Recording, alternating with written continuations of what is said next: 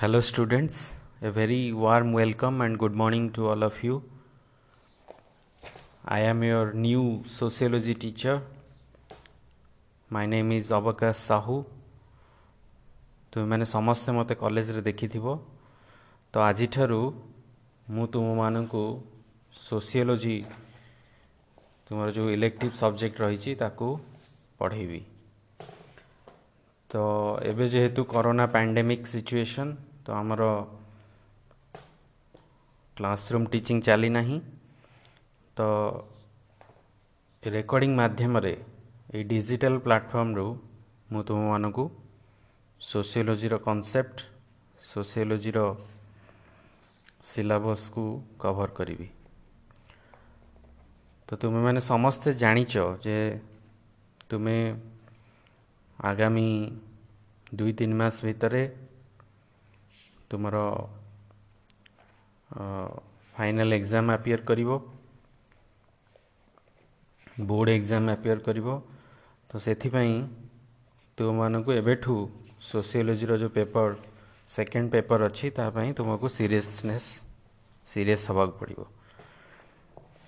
ତ ତୁମେ ପ୍ରଥମେ ଜାଣି ରଖିବା ଉଚିତ ଯେ ତୁମର ଯେଉଁ sociology paper two Indian society ତ ତା'ର ସିଲାବସ୍ କ'ଣ ଅଛି?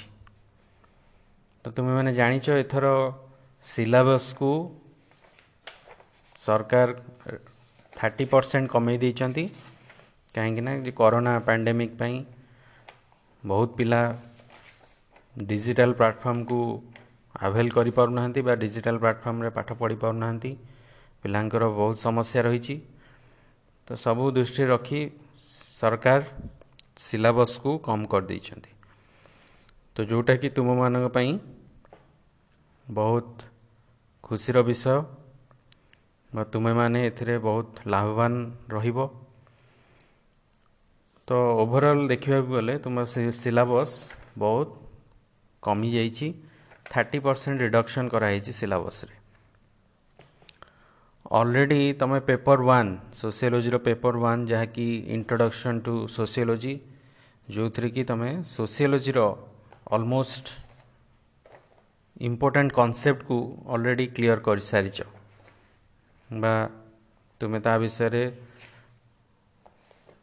ବିଶେଷ ଜ୍ଞାନ ଆହରଣ କରିସାରିଛ ଯେମିତିକି ହ୍ୱାଟ୍ ଇଜ୍ ସୋସିଓଲୋଜି ସୋସିଓଲୋଜି କହିଲେ କ'ଣ ବୁଝୁଛ ସମାଜ ବିଜ୍ଞାନ କହିଲେ କ'ଣ ବୁଝୁଛ ସମାଜ ବିଜ୍ଞାନର ଡେଫିନେସନ୍ ସମାଜ ବିଜ୍ଞାନର ଉତ୍ପତ୍ତି ସମାଜ ବିଜ୍ଞାନ କିପରି ଉତ୍ପତ୍ତି ହେଲା ଏବଂ ତା'ର ସମ୍ୟକ ଧାରଣା ତୁମେମାନେ ପାଇସାରିଛ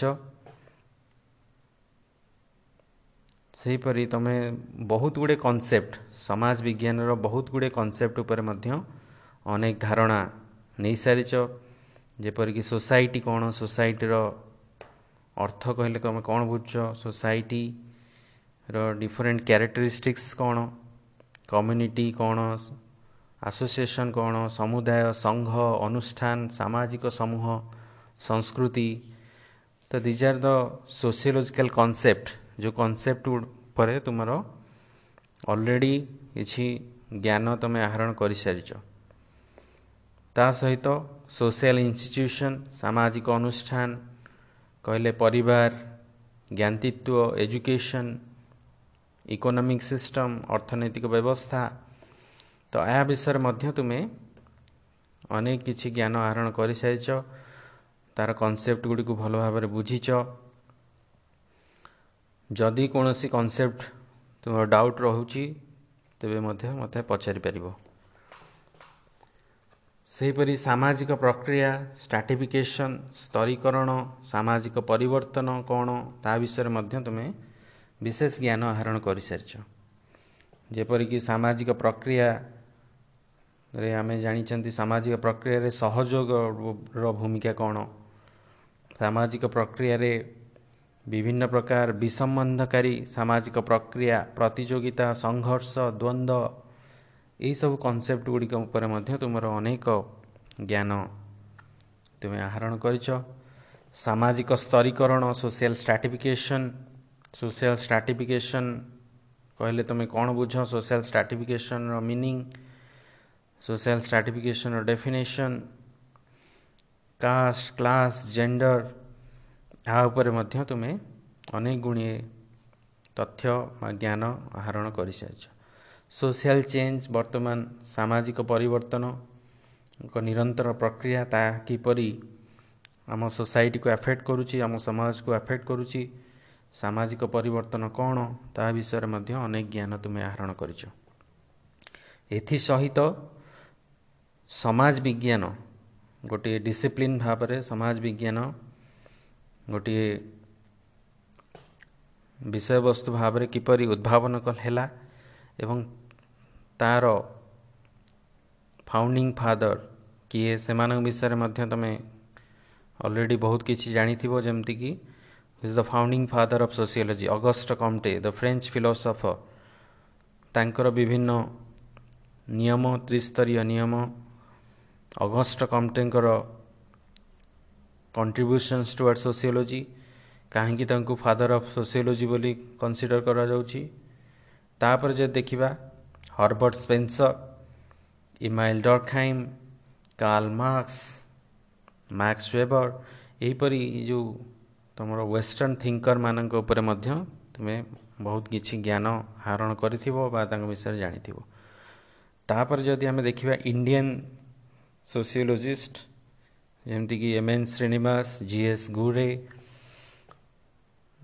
those who are the pioneering figure of Indian sociology ବା ଭାରତୀୟ ସମାଜ ବିଜ୍ଞାନକୁ ଆଗକୁ ବଢ଼ାଇବାରେ ଏମାନଙ୍କର ଭୂମିକା ମଧ୍ୟ ଅତୁଳନୀୟ ସେମାନଙ୍କ ବିଷୟରେ ମଧ୍ୟ ତୁମକୁ ପଢ଼ାଯାଇଛି। ତା ସହିତ ସୋସିଓଲୋଜି ବା ସମାଜ ବିଜ୍ଞାନର ଯେଉଁ ଟେକ୍ନିକ୍ ରହିଛି ବା ମେଥଡ଼ୋଲୋଜି ରହିଛି ତାକୁ କିପରି ଆମେ ପଢ଼ିବା? ସମାଜ ବିଜ୍ଞାନ ଯେ ଖାଲି ଗୋଟେ ସାମାଜିକ ବିଜ୍ଞାନ ସେୟା ନୁହେଁ ତ ଇଏ ଗୋଟେ ହେଉଛି କ'ଣ ବୈଜ୍ଞାନିକ ପଦ୍ଧତିରେ ଏହାକୁ ଆମେ ପଢ଼ିବାକୁ ପଡ଼ିବ। ଏଇ ଯେଉଁ ବିଜ୍ଞାନ that has some principle that has some techniques ତା'ର କିଛି ମେଥଡ଼୍ସ ରହିଛି ତା'ର ଟେକ୍ନିକ୍ସ ରହିଛି। କେଉଁ ପ୍ରଣାଳୀରେ ଆମେ ସମାଜ ବିଜ୍ଞାନକୁ ପଢ଼ିବା। ତ ତା'ର ମଧ୍ୟ ବିଶେଷ ନଲେଜ ଫାଷ୍ଟ ଇୟରରେ ଗ୍ରହଣ କରିସାରିଛ। ତ ବର୍ତ୍ତମାନ ତୁମର ଫାଷ୍ଟ ଇୟରର କୌଣସି କୋଶ୍ଚିନ୍ ବା କୌଣସି ବିଷୟବସ୍ତୁ ତୁମର ସେକେଣ୍ଡ ଇୟରରେ ଆସିବ ନାହିଁ। ଫାଷ୍ଟ ଇୟରର ପାଠ ଅଲରେଡ଼ି ସରିଯାଇଛି। ତ ସେକେଣ୍ଡ ଇୟର ପାଇଁ ତୁମର ସିଲାବସ୍ କମ୍ପ୍ଲିଟଲି ନ୍ୟୁ ତ ଏଥିରେ ତୁମେ ଇଣ୍ଡିଆନ୍ ସୋସାଇଟି ବା ତୁମର ଯେଉଁ ରହୁଛି paper two that is all about Indian society Indian society ଉପରେ ତୁମର ପେପର ଟୁ ସବଜେକ୍ଟ ରହିଛି। ତ ତାକୁ ଡିଟେଲ୍ସରେ ତୁମକୁ ପଢ଼ିବାକୁ ପଡ଼ିବ। ତ ଏଥିରେ ପ୍ରଥମେ ଦେଖିବା ଯଦି ଯେମିତି ତୁମର ଫାଷ୍ଟ ଇୟରରେ ପାଞ୍ଚଟି ୟୁନିଟ୍ ଥିଲା ତ ସେମିତି ଇଣ୍ଡିଆନ୍ ସୋସାଇଟିରେ ମଧ୍ୟ ତୁମର ପାଞ୍ଚଟି ୟୁନିଟ୍ ରହିଛି। ପାଞ୍ଚଟି ୟୁନିଟ୍ ତାକୁ ପୁରା କଭର କରିବାକୁ ପଡ଼ିବ। ଯେମିତିକି ଫାଷ୍ଟ ୟୁନିଟ୍ରେ ତୁମର ଅଛି ଇଣ୍ଟ୍ରୋଡକ୍ସନ୍ ଇଣ୍ଡିଆନ୍ ସୋସାଇଟି ଇଣ୍ଡିଆନ୍ ସୋସାଇଟିର ପ୍ରଥମେ ଆମେ ଇଣ୍ଟ୍ରୋଡକ୍ସନ୍ ଦେଖିବା।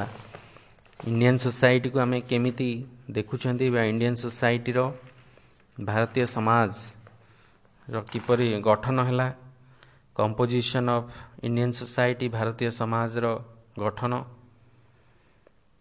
ଆମେ ଜାଣିଛନ୍ତି ଭାରତୀୟ ସମାଜ ଗୋଟେ ଗୋଟେ କମ୍ପ୍ଲେକ୍ସ ସୋସାଇଟି ଯେଉଁଠିକି ବିଭିନ୍ନ ଧର୍ମ ବିଭିନ୍ନ ଭାଷାଭାଷୀ ବିଭିନ୍ନ ସମ୍ପ୍ରଦାୟର ଲୋକ ବସବାସ କରୁଛନ୍ତି। ବିଭିନ୍ନ ଜାତିର ଲୋକ ବସବାସ କରୁଛନ୍ତି। ତ ସେମାନଙ୍କ ବିଷୟରେ ଆମକୁ ଡିଟେଲ୍ସରେ ଜାଣିବାକୁ ପଡ଼ିବ।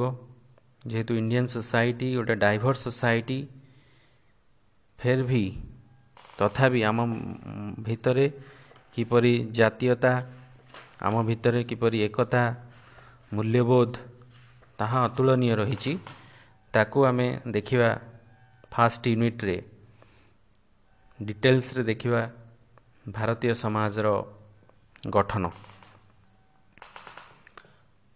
ତ ସେଇ ଭାରତୀୟ ସମାଜର ଯେଉଁ ମୂଳ ଭିତ୍ତି ୟୁନିଟି ଇନ୍ ଡାଇଭର୍ସିଟି ତାକୁ ସୁଦୃଢ଼ କରିବା ପାଇଁ କ'ଣ ସବୁ ଫ୍ୟାକ୍ଟର ଦାୟୀ କ'ଣ ସବୁ କାରକ ରହିଛି ତାକୁ ମଧ୍ୟ ଆମେ ସମ୍ପୂର୍ଣ୍ଣ ଭାବରେ ପଢ଼ିବା। ତାପରେ ଯଦି ଆମେ ଯିବା ଇଣ୍ଡିଆନ୍ ସୋସିଆଲ ଷ୍ଟ୍ରକ୍ଚର ସେକେଣ୍ଡ ୟୁନିଟ୍ରେ ତୁମର ରହିଛି ଇଣ୍ଡିଆନ୍ ସୋସିଆଲ ଷ୍ଟ୍ରକ୍ଚର ଭାରତୀୟ ସମାଜର ସଂରଚନା ଭାରତୀୟ ସମାଜର ସଂରଚନା ଏଥିରେ ଆମେ ଦେଖିବା ଭାରତୀୟ ସମାଜ କାହା ଉପରେ ଆଧାରିତ? ନା ଭାରତୀୟ ସମାଜକୁ ଆମେ ଯେ ଦେଖିବା କାଷ୍ଟ ସିଷ୍ଟମ୍? ଆମର ଯେଉଁ ଜାତି ପ୍ରଥା ଭାରତୀୟ ସମାଜର ଏକ ମୂଳ ଭିତ୍ତି କିପରି କେଉଁଭଳି ଭାବରେ ଆମର ଜାତି ପ୍ରଥା ଭାରତୀୟ ସମାଜକୁ ଏକ ସୁଦୃଢ଼ ଭାବରେ ବାନ୍ଧି ରଖିଛି ଏବଂ ତାହାର ବିଭିନ୍ନ ଗୁଣାବଳୀ ତା'ର ବିଭିନ୍ନ କ୍ୟାରେକ୍ଟରିଷ୍ଟିକ୍ସକୁ ଆମେ ମଧ୍ୟ ପର୍ଯ୍ୟାଲୋଚନା କରିବା। ତା ସହିତ ବର୍ତ୍ତମାନ କାଷ୍ଟ ସିଷ୍ଟମ୍ ବା ଯେଉଁ ଜାତି ପ୍ରଥାରେ କ'ଣ ସବୁ ପରିବର୍ତ୍ତନ ଘଟିଛି ତାକୁ ମଧ୍ୟ ଆମେ ଅବଲୋକନ କରିବା। ଆମେ କାରଣ ଦେଖୁଛନ୍ତି ଯେ ଜାତି ପ୍ରଥା ଧୀରେ ଧୀରେ ଲୋପ ପାଇବାକୁ ଯାଉଛି। କାରଣ ଜାତି ପ୍ରଥା ଯୋଗୁଁ ଆମେ ମଧ୍ୟ ବହୁତ କିଛି ସମସ୍ୟାର ସମ୍ମୁଖୀନ ହୋଇଛନ୍ତି। ବା ଆମ ସୋସାଇଟି ଡିଫରେନ୍ସିଏଟ୍ ହେଇଛି ଆମ ସୋସାଇଟି ଭିତରେ ୟୁନିଟିର ଏ କାଷ୍ଟ ସିଷ୍ଟମ୍ ଆମ ସୋସାଇଟିକୁ ଭାଙ୍ଗି ଦେଇଛି ବା ଆମ ୟୁନିଟି ଉପରେ ଗୋଟେ କୁଠାରଘାତ କରିଛି। ତ ବର୍ତ୍ତମାନ ପରିସ୍ଥିତିରେ କାଷ୍ଟ ସିଷ୍ଟମ୍ରେ କ'ଣ ସବୁ ପରିବର୍ତ୍ତନ ଆସିଛି ତାକୁ ଆମେ ଦେଖିବା। ମଡ଼ର୍ଣ୍ଣିଟି ବା ଆଧୁନିକତା ଆସିବା ଫଳରେ କାଷ୍ଟ ସିଷ୍ଟମ୍ରେ କ'ଣ ସବୁ ଚେଞ୍ଜେସ୍ ଆସିଛି? ତା ସହିତ ଭାରତୀୟ ସମାଜରେ ଶ୍ରେଣୀ ବ୍ୟବସ୍ଥା କ୍ଲାସ୍ ସିଷ୍ଟମ୍ ଶ୍ରେଣୀ ବ୍ୟବସ୍ଥା ଆମେ ଯେମିତି ଦେଖୁଛନ୍ତି ଆମର ତିନି ପ୍ରକାରର ଶ୍ରେଣୀ ମୋଟାମୋଟି ଦେଖିବାକୁ ପାଉଛନ୍ତି। ଉଚ୍ଚ ଶ୍ରେଣୀ ମଧ୍ୟବିତ୍ତ ଶ୍ରେଣୀ ଏବଂ ନିଚ ଶ୍ରେଣୀ। ତ କ୍ଲାସ୍ର ଆମେ ଷ୍ଟ୍ରାଟିଫିକେସନ୍ ଦେଖିବା। ତା ସହିତ ଭାରତୀୟ ପାରିବାରିକ ବ୍ୟବସ୍ଥା ଯେଉଁଥିରେ କି ଆମେ ଆମର ଜଏଣ୍ଟ ଫ୍ୟାମିଲି ସିଷ୍ଟମ୍ ଆମର ଜଏଣ୍ଟ ଫ୍ୟାମିଲି ସିଷ୍ଟମ୍ ଯେଉଁଥିରେ କି ଆମେ ଦେଖିବା ଯେ କ'ଣ ଆମର ଯେଉଁ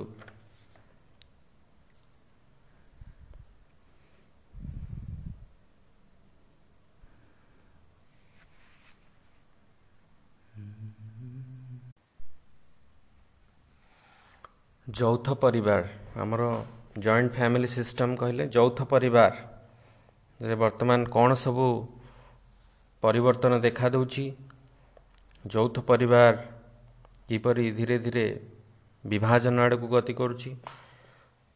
ଆମେ ବର୍ତ୍ତମାନ ନ୍ୟୁକ୍ଲିୟର ଫ୍ୟାମିଲି ଆଡ଼କୁ ଯାଉଛନ୍ତି ଏକାନ୍ନବର୍ତ୍ତୀ ପରିବାର ଆଡ଼କୁ ଯାଉଛନ୍ତି।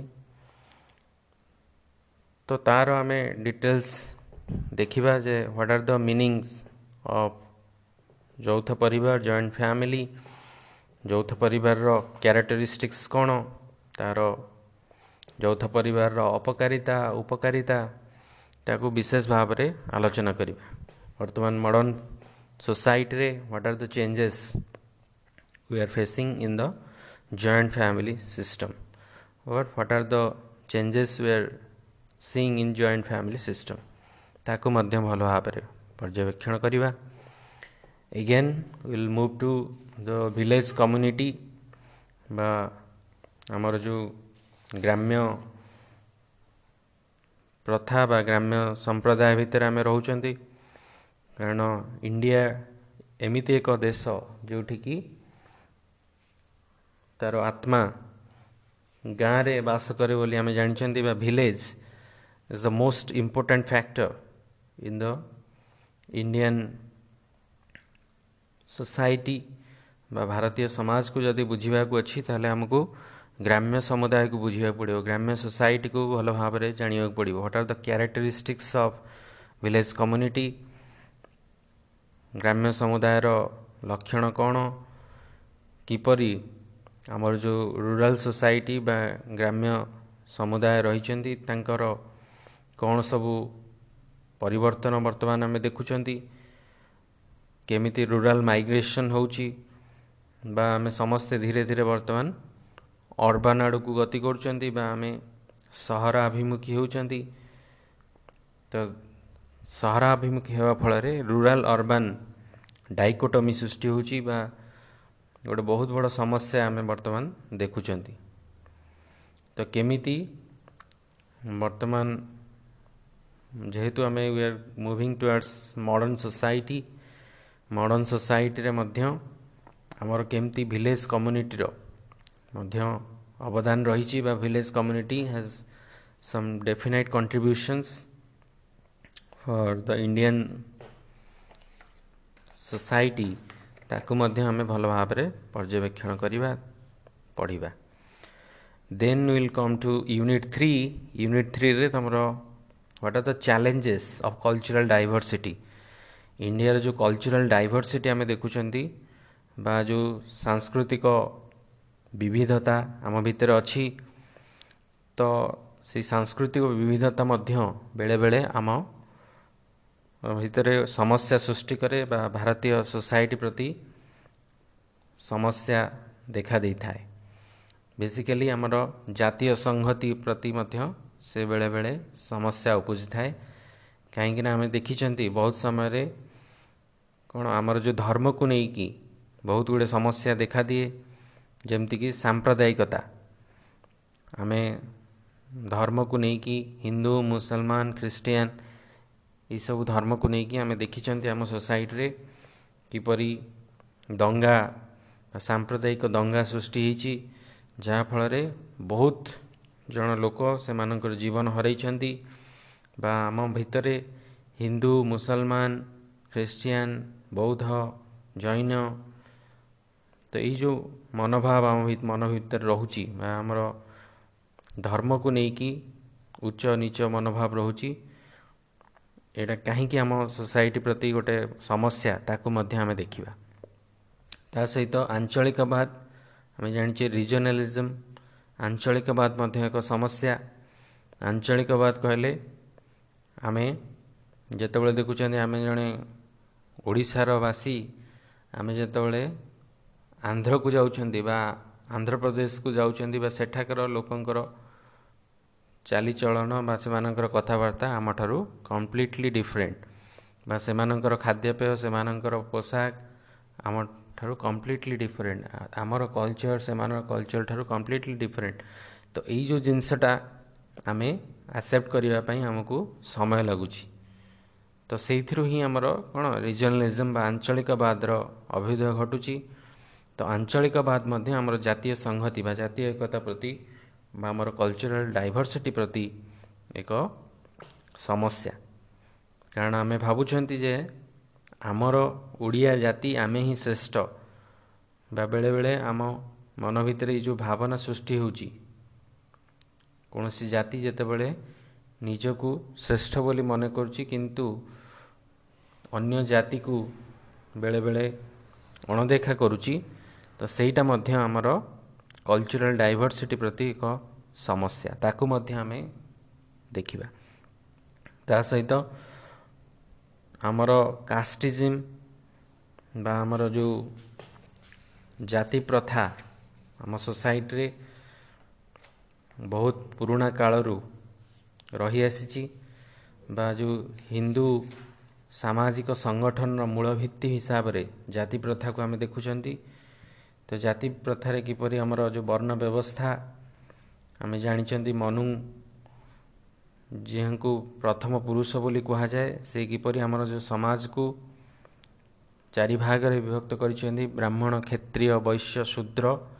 ତ ଏହି ଆଧାରରେ କାଷ୍ଟିଜିମ୍ ବା ତୁମର ଏଇ ଯେଉଁ ଜାତି ପ୍ରଥା କିପରି ଭାରତକୁ ବା ଭାରତର ଏଇ ଯେଉଁ କଲଚରାଲ ଡାଇଭର୍ସିଟିକୁ ବେଳେବେଳେ ସମସ୍ୟାରେ ପକାଇଥାଏ ତାକୁ ମଧ୍ୟ ଆମେ ପୂର୍ଣ୍ଣତଃ ଦେଖିବା ତାକୁ ମଧ୍ୟ ବିଶେଷ ଭାବରେ ତାକୁ ଆଲୋଚନା କରିବା। ତ unit three is all about your cultural diversity what are the challenges towards cultural diversity then you move to unit four that is social inequality exclusion and movement. Social inequality ଆମ ସୋସାଇଟିରେ ସୋସିଆଲ ଇନିକ୍ୱାଲିଟି କିପରି ଏକ ସାମାଜିକ ଅସମାନତା ବା social ଇନିକ୍ୱାଲିଟି କିପରି ଆମ ସୋସାଇଟିକୁ ଆମ ସମାଜକୁ ସମାଜ ପାଇଁ ଏକ ବଡ଼ ସମସ୍ୟା ଭାବରେ ଉଦ୍ଭା ହେଇଥିଲା। ଯେପରିକି ଆମର schedule caste schedule tribes tribals women these are all affected by this factor social inequality ସାମାଜିକ ଅସମାନତା ଏଥିଯୋଗୁଁ ମଧ୍ୟ ଆମ ଭାରତୀୟ ସମାଜ ସବୁବେଳେ ସମସ୍ୟାର ସମ୍ମୁଖୀନ ହୋଇଛି ତ ଏଇ ଯେଉଁ ସିଡ୍ୟୁଲ୍ କାଷ୍ଟ ସିଡ୍ୟୁଲ୍ ଟ୍ରାଇବ୍ସ ଜନଜାତି ଅନୁସୂଚିତ ଜାତି ଅନୁସୂଚିତ ଜନଜାତି ଏମାନଙ୍କର କ'ଣ ସମସ୍ୟା ରହିଛି ଏବଂ ଏମାନଙ୍କୁ କିପରି ପୁଣି ଥରେ ମୁଖ୍ୟ ସ୍ରୋତକୁ ଅଣାଯାଇପାରିବ? ସେଥିପାଇଁ ସରକାର କ'ଣ ସବୁ ପ୍ରୋଭିଜନ୍ ରଖିଛନ୍ତି କ'ଣ ସବୁ ଲ ତିଆରି କରିଛନ୍ତି କ'ଣ ସବୁ ଆମେଣ୍ଡମେଣ୍ଟ କରୁଛନ୍ତି କନଷ୍ଟିଚ୍ୟୁସନରେ ଆମର ସମ୍ବିଧାନରେ କ'ଣ ସେମାନଙ୍କ ପାଇଁ ପ୍ରୋଭିଜନ୍ ରହିଛି ତା ବିଷୟରେ ମଧ୍ୟ ତୁମେ ଅନେକ କିଛି ଜ୍ଞାନ ଆହରଣ କରିବ। ତା ସହିତ ଆମେ ବହୁତ ଗୁଡ଼ିଏ ଆନ୍ଦୋଳନ ବିଷୟରେ ପଢ଼ିବା ଯେପରିକି tribal movement and peasant movement. ତ ଜନଜାତିମାନଙ୍କର ଯେଉଁ ଆନ୍ଦୋଳନ ହେଇଥିଲା ସେମାନେ କିପରି ମୁଖ୍ୟ ସ୍ରୋତରେ ପୁଣି ସାମିଲ ହେବା ପାଇଁ ଆନ୍ଦୋଳନ କରିଥିଲେ ଏବଂ ସେମାନଙ୍କର ଯେଉଁ ଅଧିକାର ସେମାନଙ୍କର ଯେଉଁ ରାଇଟ୍ସ ରହିଛି ତାକୁ ପୁଣି ପୁନଶ୍ଚ ପାଇବା ପାଇଁ କ'ଣ ସବୁ ପ୍ରଚେଷ୍ଟା ଜାରି ରଖିଥିଲେ ତା ବିଷୟରେ ମଧ୍ୟ ଆମେ ଡିଟେଲ୍ସ ପଢ଼ିବା। ତା ସହିତ ପିଜାନ୍ ମୁଭମେଣ୍ଟ କୃଷକ ଆନ୍ଦୋଳନ ଆମେ ଜାଣିଛନ୍ତି ଭାରତ ଏକ କୃଷି ପ୍ରଧାନ ଦେଶ। ତ କୃଷକମାନଙ୍କର ଯେଉଁ ଅଧିକାର ପାଇଁ କୃଷକମାନଙ୍କର ଯେଉଁ ସମସ୍ୟା ରହିଛି ତାକୁ ତା'ର ଯେଉଁ ସମାଧାନ ପାଇଁ ସେମାନେ ମଧ୍ୟ ଆନ୍ଦୋଳନ କରିଥିଲେ। କୃଷକ ଆନ୍ଦୋଳନ ବିଷୟରେ ଆମେ ବିଶେଷ ଭାବରେ ଏଇ ୟୁନିଟ୍ରେ ପଢ଼ିବା। ତ ୟୁନିଟ୍ ଫୋର୍ରେ ବେସିକାଲି ଆମେ ସାମାଜିକ ଅସମାନତା ଏବଂ ସୋସାଇଟିର ମୁଖ୍ୟ ସ୍ରୋତରେ ସେମାନେ କିପରି ପୁନଃ ସ୍ଥାପନ ହୋଇପାରିବେ ଏବଂ ସେମାନଙ୍କ ପାଇଁ ଥିବା ଅନେକ କନଷ୍ଟିଚ୍ୟୁସନାଲ ପ୍ରୋଭିଜନ୍ ବା ସାମ୍ବିଧାନିକ ବ୍ୟବସ୍ଥା ଲ ରାଇଟ୍ସ ଏହା ବିଷୟରେ ଆମେ ଜାଣିବା ତାପରେ ଯଦି ଦେଖିବା unit five unit five is all about change and development in India ଭାରତରେ ଦେଖାଯାଉଥିବା ପରିବର୍ତ୍ତନ ବା ବିକାଶ କ'ଣ ସବୁ ଆମେ ଦେଖୁଛନ୍ତି ବର୍ତ୍ତମାନ you are in twenty first century ତ ଆମର ଯେଉଁ ଏକବିଂଶ ଶତାବ୍ଦୀରେ ଭାରତର ଭାରତୀୟ ସମାଜରେ କ'ଣ ସବୁ ପରିବର୍ତ୍ତନ ଦେଖାଦେଇଛି ବେସିକାଲି ଆମର ଇଣ୍ଡଷ୍ଟ୍ରିଆଲାଇଜେସନ୍ ବା ଭାରତ ଗୋଟେ କୃଷି ପ୍ରଧାନ ଦେଶରୁ କିପରି ଇଣ୍ଡଷ୍ଟ୍ରି ଆଡ଼କୁ ମୁହାଁଇଛି ବା ଇଣ୍ଡଷ୍ଟ୍ରିରେ ଲୋକମାନେ କାମ କରିବାକୁ ଅଧିକ ପସନ୍ଦ କରୁଛନ୍ତି। ବା ଆମର ଯେଉଁ କୃଷି କୃଷି କ୍ଷେତ୍ରକୁ ଛାଡ଼ି ବର୍ତ୍ତମାନ ଆମେ ଇଣ୍ଡଷ୍ଟ୍ରି ଉପରେ ଅଧିକ ନିର୍ଭରଶୀଳ ହୋଇଛନ୍ତି। ତ ଇଣ୍ଡଷ୍ଟ୍ରିଆଲାଇଜେସନ୍ ହେବା ଫଳରେ ଆମ ଭାରତୀୟ ସୋସାଇଟିରେ କ'ଣ ସବୁ ଡେଭଲପମେଣ୍ଟ ହେଇଛି ବା ଭାରତୀୟ ସମାଜ କିପରି ଆଗକୁ ଯାଇଛି ତାକୁ ଆମେ ମଧ୍ୟ ଦେଖିବା। ତା ସହିତ ଗ୍ଲୋବାଲାଇଜେସନ୍ ଜଗତୀକରଣ ଜଗତୀକରଣ କହିଲେ କ'ଣ ବୁଝୁଛନ୍ତି ଜଗତୀକରଣର କ'ଣ ଇମ୍ପାକ୍ଟ ଇଣ୍ଡିଆନ୍ ସୋସାଇଟିରେ ପଡ଼ିଛି ଇଣ୍ଡିଆନ୍ କଲଚର ଉପରେ ପଡ଼ିଛି ଇଣ୍ଡିଆର ଓଭରଅଲ୍ ଡେଭଲପମେଣ୍ଟ ଉପରେ ପଡ଼ିଛି ତାକୁ ମଧ୍ୟ ଆମେ ଦେଖିବା ତ this is all about your paper two sociology that is Indian society ତ ଏଇସବୁ କନସେପ୍ଟ ଉପରେ ଆମେ ତାକୁ ଡିଟେଲ୍ସ ବିଟ୍ ବାଇ ବିଟ୍ ଦେଖିବା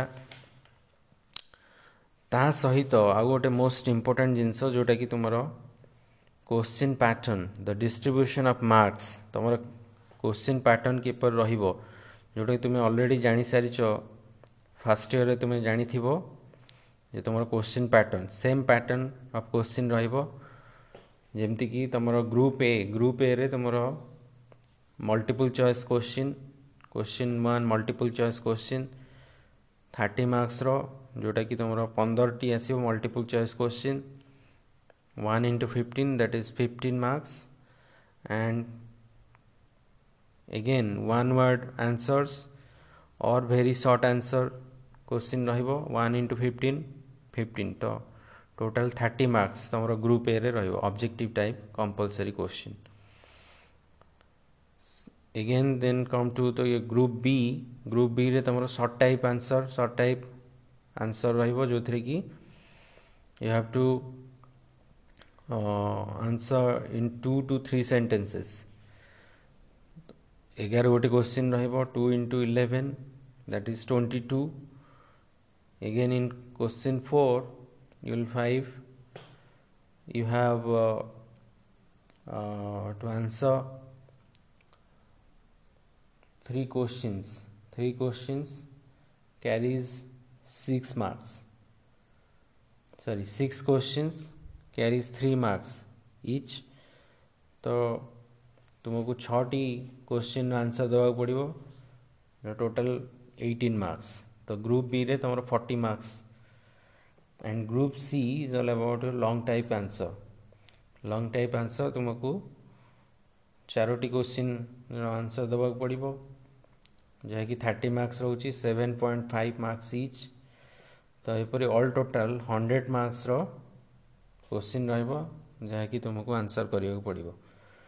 ତ କୋଶ୍ଚିନ୍ ପ୍ୟାଟର୍ନ ଯେଉଁଟାକି ଅଲରେଡ଼ି ତୁମର ବୋର୍ଡ଼ ଡିସାଇଡ଼୍ କରିସାରିଛି ତ ଏଇ ପ୍ୟାଟର୍ନରେ ହିଁ ତୁମର କୋଶ୍ଚିନ୍ ଆସିବ ଏବଂ ଆମକୁ ଆନ୍ସର୍ ଦେବାକୁ ପଡ଼ିବ। ତ ଆକୁ ମଧ୍ୟ ଆମେ ଧୀରେ ଧୀରେ କରିବା। ୟୁନିଟ୍ ୱାଇଜ୍ ବର୍ତ୍ତମାନ ଆମକୁ ସାରିବାକୁ ପଡ଼ିବ। ଏବଂ ସବୁ ୟୁନିଟ୍ରୁ ଯେଉଁ ସର୍ଟ କୋଶ୍ଚିନ୍ ବା ତୁମର ସର୍ଟ ଟାଇପ୍ କୋଶ୍ଚିନ୍ ରହୁଛି objective type and short type question ତା ସହିତ ଲଙ୍ଗ୍ କୋଶ୍ଚିନ୍ ତାକୁ ଆମକୁ ଡିଟେଲ୍ସରେ କଭର୍ କରିବାକୁ ପଡ଼ିବ। ତ ଏମିତି ଓଭରଅଲ୍ ଦେଖିବାକୁ ହେଲେ ତୁମର ଇଣ୍ଡିଆନ୍ ସୋସାଇଟି ଯେଉଁ ହଣ୍ଡ୍ରେଡ଼ ମାର୍କସର ଯେଉଁ କୋଶ୍ଚିନ୍ ଆସିବ ତ every unit unit one two unit five every unit are important କୌଣସି ୟୁନିଟ୍କୁ ତୁମେ ଛାଡ଼ିପାରିବ ନାହିଁ କାରଣ ସବୁ ୟୁନିଟ୍ରୁ କୋଶ୍ଚିନ୍ ହିଁ ଆସିବ ସବୁ ୟୁନିଟ୍ରୁ କୋଶ୍ଚିନ୍ ଆସିବ every unit has equal marks ସବୁ ୟୁନିଟ୍ରୁ ତୁମର କୋଶ୍ଚିନ୍ ଇକ୍ୱାଲ୍ ମାର୍କର କୋଶ୍ଚିନ୍ ଆସିବ ତେଣୁ ଆମେ କୌଣସି ୟୁନିଟ୍କୁ ବି ଅଣଦେଖା କରିପାରିବା ନାହିଁ ତ ଏବେଠୁ ତୁମେମାନେ ଟିକେ ସିରିୟସ୍ ହେଇଯାଅ if you have any doubt regarding any concept କୌଣସି କନସେପ୍ଟରେ ଯଦି କୌଣସି ଡାଉଟ୍ ଅଛି ଫାଷ୍ଟ ଫାଷ୍ଟ ଇୟର୍ର କୌଣସି କନସେପ୍ଟରେ ଡାଉଟ୍ ଅଛି ତୁମେମାନେ ମୋତେ ପଚାରିପାର ତୁମେମାନେ ଏଇ ଯେଉଁ ହ୍ୱାଟ୍ସଆପ୍ ଗ୍ରୁପ୍ରେ ଯେଉଁମାନେ ଆଡ଼୍ ହେଇନ ଯେଉଁମାନେ ସୋସିଓଲୋଜି ଇଲେକ୍ଟିଭ୍ ରହୁଛି ଯେଉଁମାନେ ଆଡ଼୍ ହେଇନ ତ ସେମାନେ ମଧ୍ୟ ଆଡ଼୍ ହେଇଯାଅ ଆଉ ତୁମର ଯାହା ବି ସମସ୍ୟା ହେଉଛି ମୋତେ ପଚାର ବା ଫୋନ୍ ମାଧ୍ୟମରେ ମୋତେ କଣ୍ଟାକ୍ଟ କର I will clear all your doubts so this is all about your introduction about this syllabus and your sociology paper 2 so ଆଜି ପାଇଁ ଏତିକି ପରବର୍ତ୍ତୀ କ୍ଲାସ୍ରେ ତୁମର unit one I will start with unit 1 composition of Indian society तो तार जो concept गुड़ा रही ताको मु डिटेल्स रे पढ़ेबी so thank you so much